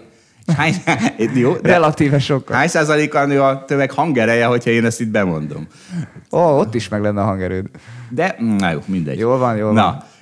És akkor ünnapileg hadd szóljak már, mert mind a két oldalnak. Mert voltam boltban, képzeld. Voltam boltban, nincs benne cukor, tojás, liszt. Tehát tudod, mint a szocializmusban. Meg voltam benzinkúton, ott meg benzin nincs. Hát köszönjük szépen. A más nincs, legalább nosztalgia van, mert a magyar kormány rendeletileg visszaállította a szocialista hiánygazdaságot. És egyszerre pofozva fel ezzel a nemzeti idiótákat, mert ugye mi az álca e mögött, nemzeti szuverenitás, Brüsszel elleni harc, tovább parapparappa. E- ne, ebben óriási szerepe van a magyar kormánynak, és ez a hü- hülyeség, amit művelnek, és a balidiótákat, akik a piac ellen küzdenek. Mert mi történt? A kormány egy picit kikapcsolta a piaci elasztó mechanizmust. Egy pici állami beavatkozás. És mi az eredménye? Hiány, káosz. Köszönöm szépen. Tehát ennél jobb reklám a Hold After Hours-nak nincsen, mint hogy mindkét oldal idiótáit így össze-vissza pofozza a piac meg a kormány együtt. És és senki ne mondja azt, hogy mert jött ilyen komment, hogy de máshol is van dízelhiány. Van, igen, csak egyrészt kisebb, másrészt cukor az mindenhol van, kivéve itt. Mindegy, mert én úgyis csak dagat leszek a cukort. Egyébként más is. Balázs, te is dagat leszel a cukortól. Figyelmeztetlek karácsony előtt mindenkit. Így van, így van. De hogy azt akarom mondani, hogy szinte, tehát ugye te azt szereted, hogy gazdasági jobb oldal, véleményben ezt propagálod, most az árplafon ez ennek csak nagyon kis eleme, azért nehéz a politikai palettán igazából egy ilyen pártot találni. Ami, ami, Nemzetközi szinten is, és egyébként uh, magyar szinten is. a, aki velem egy platformon van? Vagy mi? Igen, hát gazdasági értelemben jobb oldali. Ki most Ja, egy, mondjál már piacpárti pártokat egyébként úgy a világból. Nem van. Csak, csak nem jutnak kormányra. Vannak ilyen. De szerintem a, a, libertáriánus most, amit párt. hagyományosan jobb meg baloldalnak hívunk, azoknak a nagy része is megy gazdasági értelemben baloldal felé. Persze, mert az emberek hülyék, és mindegyik párt, tehát a pártok nem megoldást keresnek, szavazókat keresnek, és nem lehet azt mondani egy szavazónak, hogy azért figyelj már, az ársapka hülyeség, mert a szav- a szavazó azt hiszi, hogy nem hülyeség. Még akkor is, amikor elfogy a cukor a boltból, mert akkor az a multik hibája. Na mindegy. Valázs, Amúgy ez... Trump egy piac, a Trump piacpárti? Az amerikai republikánusok piacpártiak? hát, Hát szerintem mindenki részük. mozdul el ebb- ebből az irányból a másikba. Hát Figyelj, van Ők ott is. piacpárti párt, úgy hívják, hogy libertáriánus párt. Igen, és, az hol? Magyarországon? Ez egy magyar párt? Nem, ez egy amerikai párt, aki, ami egy ilyen gittegylet szintű. Tehát egy ilyen, egy ilyen Eléri a Így van, 0,38%-át így a értelmiségnek. Szóval vagyunk mi, csak kevesen. De mondjuk azért az ők is, ők is extrémek, tehát azért azok is hülyék. Tehát az a baj egyébként mindenki, hogyha valaki valamilyen párt ideológia mögé beáll, akkor az gyakorlatilag szinonimája egy a hülyének. Az én, én, én szótáramban. Na, Nem azért áll be valaki egy párt ideológiája mögé, mert mindenben egyetért azzal a párttal. ne álljon be. Tehát beállni bármilyen párt mögé örökké az hülyeség. És aztán azért küzdeni, hogy az én pártomnak igaza van, mert az az én pártom. Na, az, az, az tiszta hülyeség. Na jó, itt is menjünk tovább. Te jössz, a te szakmai részeddel jövünk. Nem akartam nagyon a végére jön, rakni. Ó, ez nagyon kedves tőled. Nincs nagyon a végén, nem tudom, a két órás adásból meg csak egy óra 43 Nem, nem, nem, szerintem, szerintem még tök jók vagyunk. Még egy órán belül vagyunk. Na, azt akartam mondani, hogy ugye hedge fund évvége van, és ilyenkor az nagy elemzőházak megírják a várakozásaikat jövőre. Sajnáljuk tényleg, hogy itt mi egy hónappal előrébb járunk, mindenki tekerje át az óráját. Arról van szó, hogy mindenki recessziót vár jövőre, vagy legalábbis valamiféle gazdasági csökkenést, és ha nem is recessziót, akkor vitatkozik róla, hogy hát a recesszió határán leszünk. Mert hogy Amerikában annyira magas volt a kamatemeléseknek a mértéke, hogy ez biztos, hogy erős gazdasági gyengeséghez vezet. És akkor itt elolvastam a három nagy elemzőházat, a Merrill Lynch-et, a JP Morgan-t, a Morgan Stanley-t. Tehát azt nem az fontos, hogy ők mit írnak, mert ugye ők a nagy bankok, nagyon sok helyre elküldik az elemzésüket, valamit azért mondanak a konszenzusról, vagy valamit arról, hogy mit szokás gondolni. Vannak kisebb elemzőházak, azok szerintem jobban elmernek térni ettől a piaci átlagtól, de most valószínűleg ez a piaci átlag. És akkor azt mondják ezek a nagy elemzőházak, hogy alapvetően az USA az recesszióba vagy recesszió közé állapotba kerül, senki nem olyan bátor, hogy azt mondja, hogy nagy recesszióba, tehát senki nem olyan bátor, hogy azt mondja, hogy itt innentől emelkedés van, mert egyébként a csökkenő inflációval lazul a Fed, és egyébként nem lesz semmi gond, ilyet sem ír senki. És mindenki azt unalmas, írja, hogy unalmas konformisták. Ezek igen? unalmas konformisták, igen, és tényleg azt mondják, hogy a következő időszakban jön ez a lassulás a magas kamatok miatt, és majd utána jöhet belőle valamiféle fellendülés, de hát nem magas, meg nem erős fellendülésről írnak. Úgyhogy nagyon nagyokat nem vállalnak nagy mondásokat. Amit viszont mindenki vállal, és akkor erre akarom kifuttatni, hogy, hogy hát kötvényt kell venni. Mert a részvényt azt nem, általában nem szokott jó lenni olyankor, amikor lassul a gazdaság, mert ugye van egy jó dolog, meg egy, meg egy rossz dolog, ezt egyébként a Morgan Stanley írja le. Azt írják, hogy uh, the year of the yield, ugye a hozam éve lesz 2023, és hogy azt mondják, hogy Ugye két dolog van, ami egymásnak feszül a lassuló gazdaságban. Az egyik az az, hogy simán csak lassul a gazdaság, recesszió felé tartunk, tehát ez nyilvánvalóan rossz dolog, csökkennek a vállalati profitok, a részvényeknek esniük kell. Ez az egyik gondolkodás. A másik az az, hogy hát oké, okay, de le fog jönni az infláció, tehát a Fed nem fog emelni, sőt, ha nagyobb a baj, akkor csökkenteni is fog kamatot, az meg egy jó dolog, és ez a két dolog fog egymásnak feszülni a részvénypiacokon, két egymásnak ellenható erő. Melyik lesz az erősebb? És hát nem persze, tudjuk. mint a konformisták, de a, de a, a konformisták azt mondják, hogy hát a recessziós hatás lesz erősebb, negatívnak kell lenni, mert általában a minták azt mutatják az elmúlt száz évben, hogy amikor azért gazdasági lassulás volt, akkor az inkább, inkább az volt a meghatározó erő, és nem a kamatcsökkentés. Egyébként én tudok rögtön a elmúlt időszakból ellenpéldákat mondani, tehát ugye 18 év végén volt egy nagy esés, és 19 volt ilyen, hogy azt mondtuk, hogy fú, most itt, itt a trade war, meg lassul a gazdaság, meg már 10 év emelkedés van, most már amúgy is kellene jönni valami rágazdasági problémának, de egyébként a Fed csökkentett, és azért összességében emelkedtek a piacok, főleg a technológiai részvények. Igaz, akkor ugye nem kellett küzdeni annyira erősen az inflációval, mint most, sőt, egyáltalán nem kellett küzdeni, így utólag összehasonlítjuk a két szituációt, bár akkor is azért emeltek még 18-ban, mert azt gondolták, hogy már feszes a munkaerőpiac, majd gondolsz az inflációval, de ha összehasonlítjuk a 22-t meg a 18-at, akkor nyilvánvalóan az egyikben már itt volt a probléma, nem. De volt olyan, hogy a egyébként a Fed le tudta győzni ezt a kis gazdasági lassulást, és emelkedtek inkább a piacok. Tehát tudunk ellenpéldát is mondani, de azt, mondják a, azt mondja Morgan Stanley, hogy a minta alapján inkább, inkább negatívnak kell lennünk. És akkor amit sokan mondanak, és ebben van konszenzus igazából, hogy a amerikai kötvény az egy jó befektetés. Itt alapvetően inkább a hosszabb oldali kötvényekre gondolnak, tehát 5 éves, 10 éves. Ez sokat emelkedett, és hát szinte biztosan lesz lassulás, szinte biztosan lesz a Fedben valamiféle enyhülés, akkor meg a részvény nem biztos, hogy jó, hiszen a recesszió elrontja a részvényeknek a profitját, tehát ez lehet, hogy lemarad, de a kötvényeknek esniük kell, a köt, bocsánat, a kötvényhozamoknak kell esniük, tehát ugye a kötvény árfolyamoknak meg emelkedniük kell. És na, már túl, túl egyszerűnek tűnik, nem? Tehát, hogy de... már mindenki leírja, hogy vegyél 10 éves amerikai kötvényt. De tud, én, sőt, én, én 30 évest veszek, és elkezdek aggódni, hogy ez ennyire konformista ez a trét. Tehát, hogy, hogy, hogy mi a tegnapi nap ugye ez egy jó vétel volt, hiszen az történt, hogy a Pável is azt mondta, hogy Hát a mondott, amit mondott, az előbb megbeszéltük, ezek szerint most már más turával ezelőtt, nem tudom mikor, de hogy egyébként ugye lazább volt, mint a piac várta, vagy a reakciók alapján tehát ugye estek a kötvényhozamok, emelkedtek a kötvényárfolyamok, meg ugye a részvények is emelkedtek. De hát igen, nekem is, hát nem tudom, tényleg túl, túl kézenfekvő ez a izé.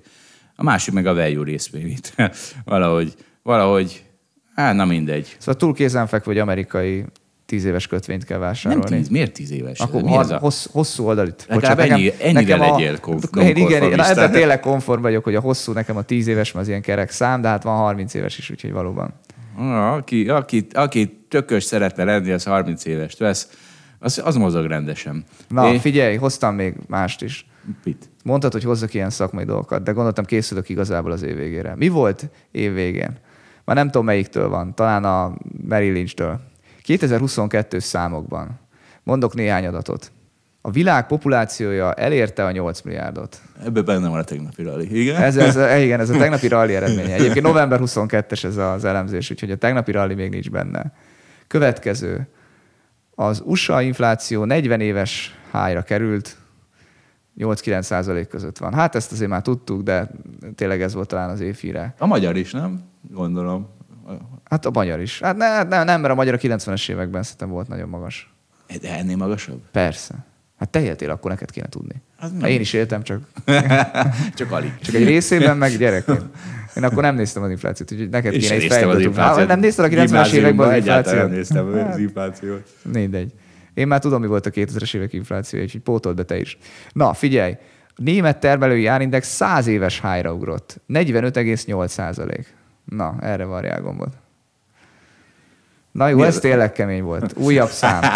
280 darab globális kamatemelés.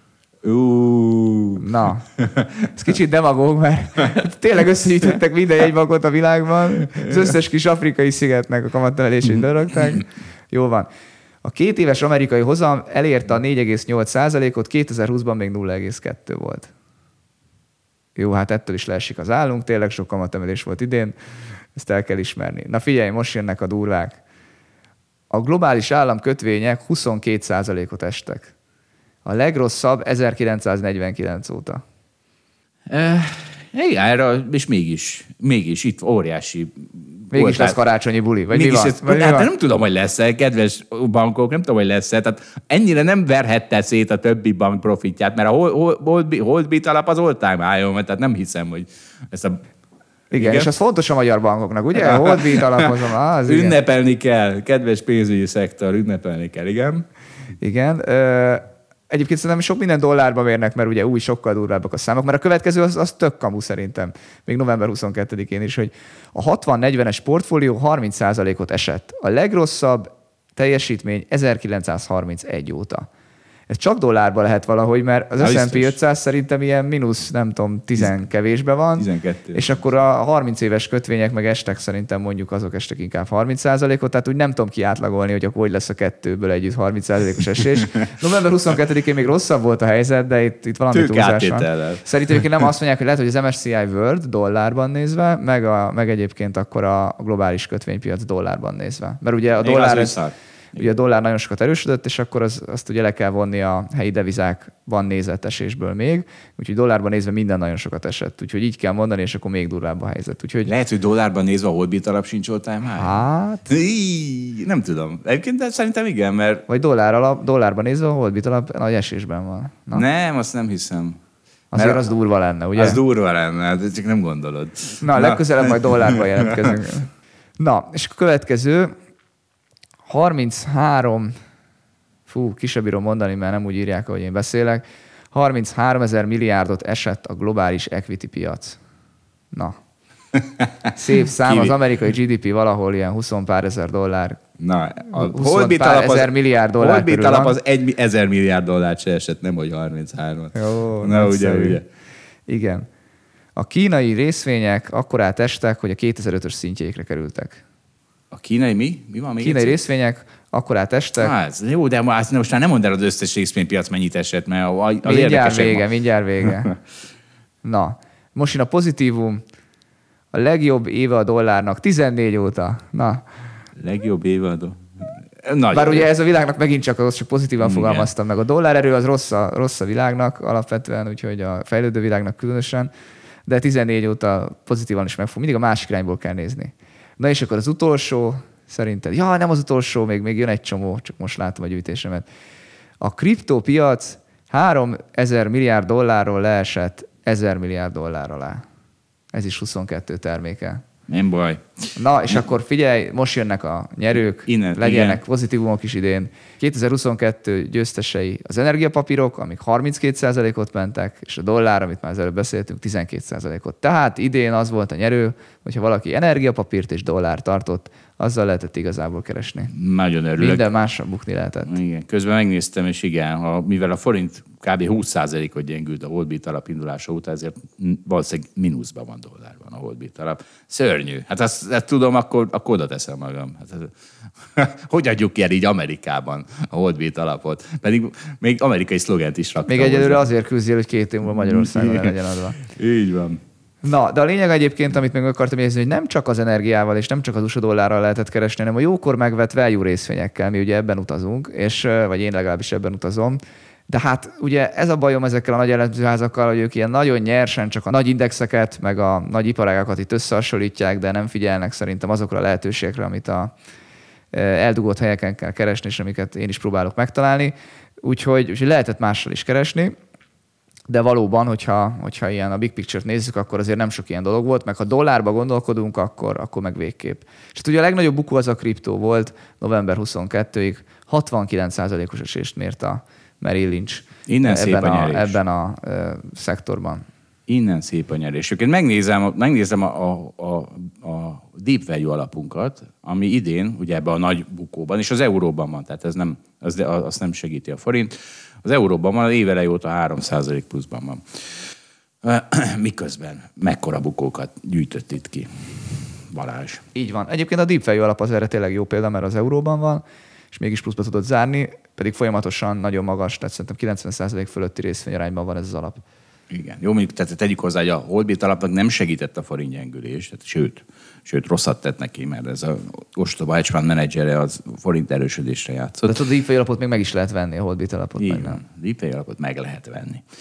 Na figyelj, klíma nincs, de női kvóta van. Hát már milyen rég nem foglalkoztunk. Új, új, új, új, új, hát de, de, hát nem én tehetek róla, hát az Európai Parlament baszakszik velem. Mert figyelj, jön a női kvóta a nagyvállalatoknál, új jogszabályt fogadott el az Európai Parlament. Nem érdekel. Az érdekel, hogy 444 elkezdett foglalkozni emiatt a témával, és ebbe két cikkbe is beleolvastam, és figyelj, tehát ilyenkor érzem azt, hogy van értelme annak, amit csinálunk. Tehát nem csak, hogy ami csak amit nyilván, amit mi, hanem hogy, amit úgy, hogy az emberek elkezdik, tehát három-négy éve mi mi lett volna egy ilyen női, női kvóta dolognál, hogy a bérszakadék a férfi és a nők közt, mit tudom én, 30 százalék, és ennyi. Itt abba hagyták volna, hogy úristen, akkor el vannak nyomva a nők, és akkor azóta sikerült ezeknek az embereknek a fejébe beleverni, hogy figyeljetek, az száz oka van. Az, hogy a női férfi elnyomás, ami nem is létezik, az egy százalékot se magyaráz ebből, mert ezer oka van, és ezek mind ilyen korreláció, nem kauzáció dolgok. Tehát igen, az, hogy elmegy a nő szülni, az, az egy óriási hátrány neki, csak hát ezzel nem tud mit csinálni, mert a nő megy el szülni.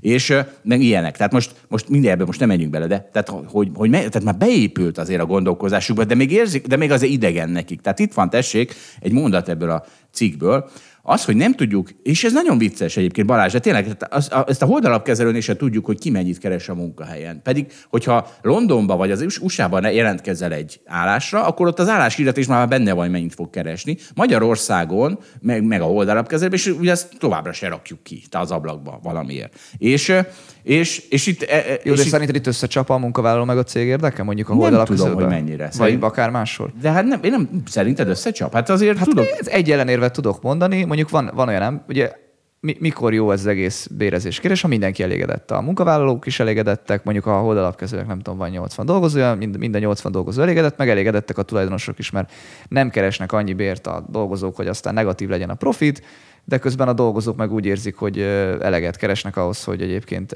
jól éljenek és elégedettek. Na de, tegyük fel, hogy közzéteszed, és akkor az jön ki, hogy hoho, hát én azt hittem eddig, hogy sokat keresek. De a mellettem ülő az 10%-kal többet keres.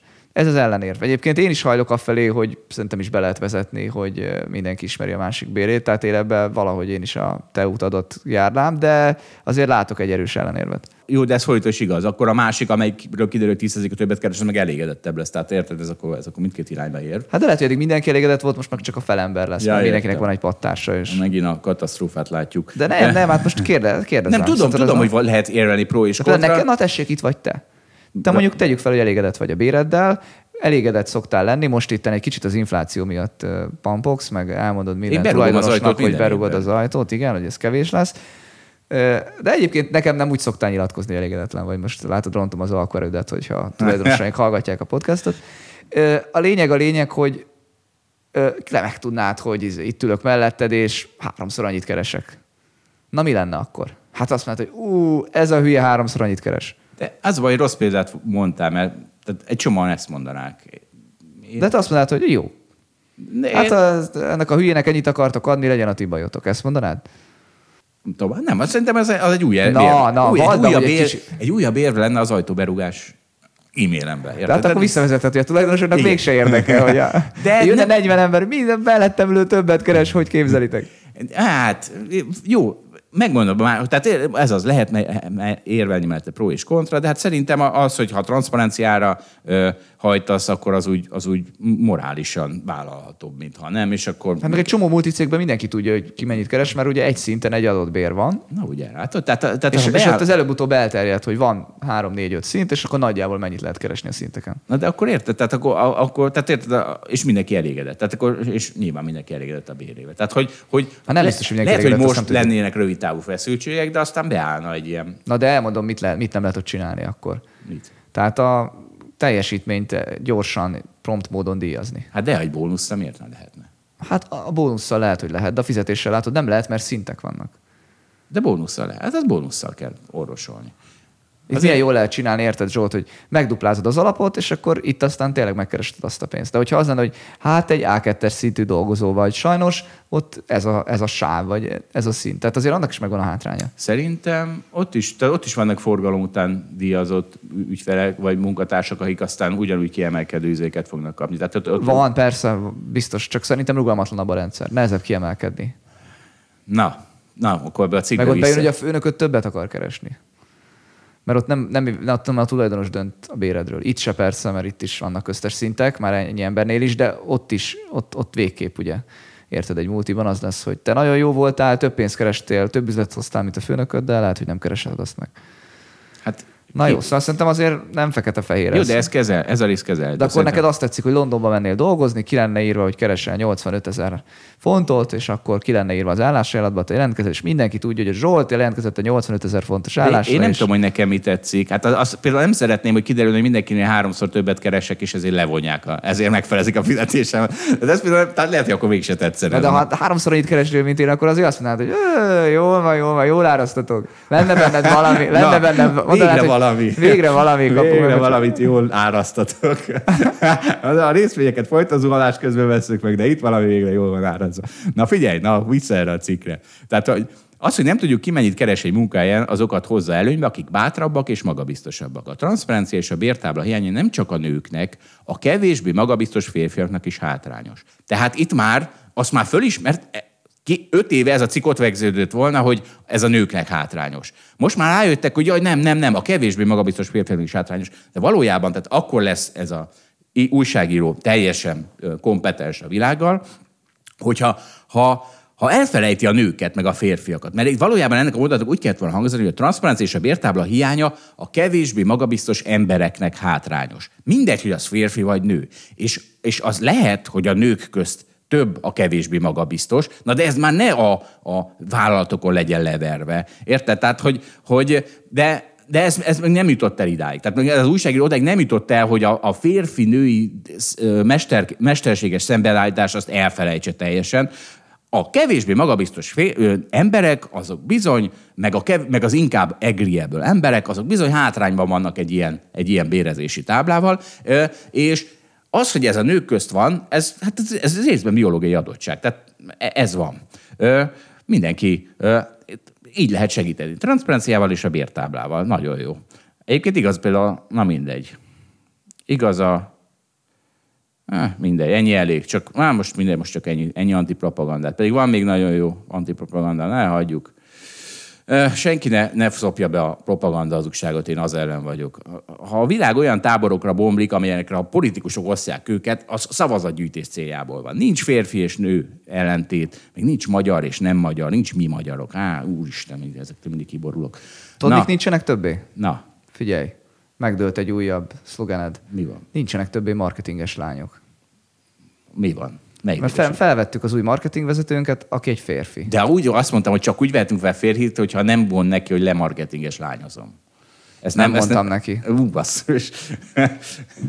Ú, basszus. De most Szóval az a helyzet, hogy egyébként eddig is ebbe a csapatban volt egy fiú férfi, és akkor így is marketinges lányoztad őket, de most már a csapatnak a vezetője is férfi lesz. Jó, hát majd Úgyhogy nagyon megbeszélem vele. változik. De ez is csak tudod, a múltkori vitánkra visszatérve egy üzenet annak, hogy látod, a holdalap közel, ez mindig teljesítmény alapon keres, és nem figyel arra, hogy férfi vagy nő. Persze, hogy nem figyel.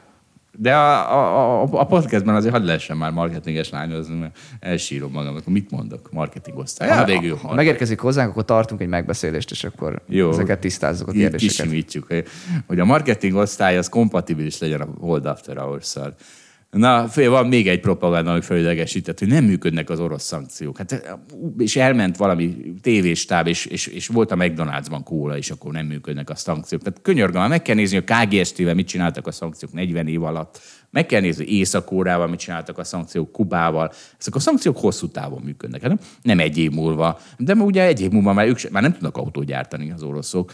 Egyébként az én Putyin szankcióim azok jól működnek. Tehát a, mi az én Putyin szankcióm, hogy nem fűtök otthon. Tehát átraktam, hogy tényleg átraktam a termosztatot egy melegebb helyre, úgyhogy mindenki fagyoskodik otthon, én is, már polárban ülök, meg sízokniban, és folyamatosan meg vagyok fázva. Tehát ez működik. E, De azért arra gondolok, hogy jobb ez így, mint szegény ukránoknak a lövészárokban. És tudod, mi van? Az, amikor én az orromat fújom, akkor Putyin azt retteg, összerezzen. Mert hát ez az annak a jele. Ez az én Hájmarszaim hangja. Himars, tudod? Te, te is valószínűleg csak leírva láttál egész életedben. Tudod, Igen, persze, a himarsról, amit én is csak ki, így olvasok ki van, ahogy- de megnéztem, hogy hogy ejtik, és Heimers. E, é, nem meglepő módon, nem himars. Na, szóval Putyin, az, é, tehát az orfúvásomból egy Heimers lett. Na, inflációról pozitívan rovat. Az avokádó 100 forint darabja. Vakmajom írta. Le- Lefelezett az ára. Szinte ingyen vágják hozzá. Tessék, ha valaki olyan dolgot keres, amik nem ment fel az ára. Az avokádó, mert mindenki azt termeszti, már mindenhol. Működik a piac. És visszaesett a kéne kereslet, írja a vakmajom. Figyelj, ugye te, te hoztad fel legutóbb, hogy hát ez a vakmajom lehet, hogy kicsit színezi a történeteit. Ja, ez biztos, hogy színezte. Tehát ezt a mondatot elolvastam, hogy Az, azt nem is azt mondja, föl. mögöttem a sorban a piacon kérdezte is egy pasi, ugye itt az olcsó avokádról beszélünk, te anyjuk, ez olyan olcsó, lehet ebből pörköltet csinálni? Nem, majd kirántjuk. Ez vajon tényleg elhangozhatott egy piacon? Ez, hát... biztos, ez a vakmajom fejével hangzott el. Na, recesszióra pozitívan. az egyik fel elhangozhatott, de hogy a kettő együtt. Á- Állítólag a használt autópiacon is megy az összeomlás. Ezt Misi mondta, hogy, hogy, hogy az elmúlt két-három hónapban simán estek 10-20 százalékot a használt autóárak. És tovább is tart eladni. És a legszebb, senki nem mondja, hogy nem szóltam. Tehát senki nem mondja. 8 millió forint nyerő egy lakáson. Mindenki nagyot ebédeljen ma. Ezt Zsitai Viktor küldte nekünk, hogy ő nem tudom hány éve nem, nem találkozott olyan lakáshirdetéssel, ahol árdiszkonttal, tehát árcsökkentéssel próbálják eladni a lakást, és tessék, kedves hallgatók, Harmónia teraszon a hatodik emelet 606-os lakás, 141,6 millió helyett 133,808 133 millió 808 ezer forint. Ezt jó kiszámolták, nem ezt a 808 ezer forintos árat. Valamiből Tehát- biztos vissza van számolva. De jó, de takarítson meg 7 millió 800 ezer forintot, mert ezt már nem jól számolták ki. Tehát nagyon vicces ez az egész hirdetés. Ez egy kínai fordítógépes hirdetés, és valójában még, még ez sincs meg. Tehát lehet, hogy megvan az első árcsökkentés a lakáspiacon, de nem biztos, mert ez nagyon gyanús, hogy ezek össze-vissza számoltak. De mindegy. Szóval én szóltam előre. És, ahogy Balázs is mondta, azt a BCA számolta, ez a leganticipáltabb recesszió a történelemben, mert soha ennyien nem beszéltek, ez a BCA elemzés, és az alapján, hogy hány, me- mennyi újságcikk, vagy hány sajtóemlítés van a recesszióról, csináltak egy grafikont, és ez állít, ők azt állítják, hogy all time high, magasabb, mint 2020-ban, amikor ugye biztosan tudhattuk, hogy recesszió jön, mert, mert a karantén, bementünk a karanténba. De aztán rájöttem, hogy de tudod miért? Mert azt most tanultuk néhány hete, hogy egy dolog miatt tudsz rettegni. Tehát egy dolog miatt. És 2020-ban mindenki a, a koronavírustól féltette a rongy életét. És, és nem, és a recesszió mindenki leszarta. Jó, recessziós lesz, kit érdekel, csak éljem túl valahogy mondták. És, és e, tehát azért nem írtak annyit az újságok. Hát minden újság a, a, izé, a, a koronavírussal rettegtetett, nem a recesszióval. E, és nem csak nem csak ez a recesszió a most anticipated, hanem van egy, a most anticipated 200 dollár. Azt tudod, mi volt, Balázs? Hát amikor emelkedik az olaj, akkor mindenki azt, hogy 200 lesz, amikor megesett, akkor mindenki azt, hogy negatív lesz. Így van. És mikor volt ez az emelkedés? Természetesen most márciusban. Tehát amikor kitört a háború, akkor az olajár eldurrant, ment 120 dollárig ment, és ezt a, izé, ezt a Animal Spirit podcasten keresztül kap, hoztam ezt a izét, és ide idéztek néhány címet abban az időszakból. A olajára 200 dollárnál többé nem őrület, mondja a analista uh, dire warning. Mi ez? De izé, síri jóslata, mondjuk. Legyen? Legyen. Legyen síri jóslata. Az olajtréderek arra fogadnak, hogy el, elmegy a 200 dollár mellett a, a, a olajár. Top oil traderek 200 dollárra figyelmeztetnek. Hogy tud majd 200 dolláros olajára működni a gazdaság? Ezek voltak a márciusi cikke 2022-ben. Sőt, itt van velünk Pierre, Odlots podcast, a, podcast, a, a, a Bloombergnek a híres podcastja, amit a múltkor is említettem, hogy ajnározták az FTX-es csávót. Aztán kiderült csak azért, mert Giselle Büchennel kufircol. Szóval mi, mi, mit mondott Pierre, hogy hát egy, egy, egy, egy esetben tudjuk elkerülni a 200 dolláros olajárat, ha a kormányok beavatkoznak, és azt fogják mondani, hogy havonta két napig semmit nem lehet csinálni, mint amikor karantén volt. Hogy havonta két napig mindenki maradjon otthon, és nem használ benzint, olajat. És akkor csak így lehet megúszni a 200 dolláros olajat. Mondta a, a top trader Pierre a Odlots podcasten. Hát, hát most, ja, és mi az apropó, hogy mennyi most az olajár? 80 dollár, vagy mennyi? Tehát lejjebb van, mint a, izért, zuha, mint a, Miért zuhan az olajár, Balázs? Magyarád, legyütt a piac. Hát például a kínai problémáktól. Ah, mindig ez a hülyeség. Hát igen, ez a hülyeség. mindig Direkt ez a hülyeség. Mindig ez a hülyeség. Na jó van. Szóval senki ne aggódjon, az olajár esik. Sőt, idén az olajár nullában van. És ennek ellenére, hogy Balázs is mondta, az, az, az energiaszektor a legjobban teljesít. Tehát ez milyen vicces, nem, hogy nem kell olajár emelkedés az, hogy jól teljesít. Mert a hosszabb olaj az fentebb van szerintem. Tehát a, lehet, néhány éves olajak, azok, olajárak, azok fentebb vannak. De azért olyan sokat nem emelkedhetett, nem? Tehát, hogyha a, a prompt olajár... De egyébként a várakozások arra, hogy szükség lesz olajra, azok sokat emelkedtek, és ugye ezek a részvények igazából még csak nem is a két, három, hmm. négy év múlva olajat kell, hogy árazzák, hanem a még messzebbieket. És szerintem azok változtak, úgyhogy az energia részvények emiatt is emelkedtek, meg hát a gázárak azért emelkedtek sokat, áramárak emelkedtek sokat, tehát azok is energia részvényeknek számítanak, nem csak az olajt kell nézni.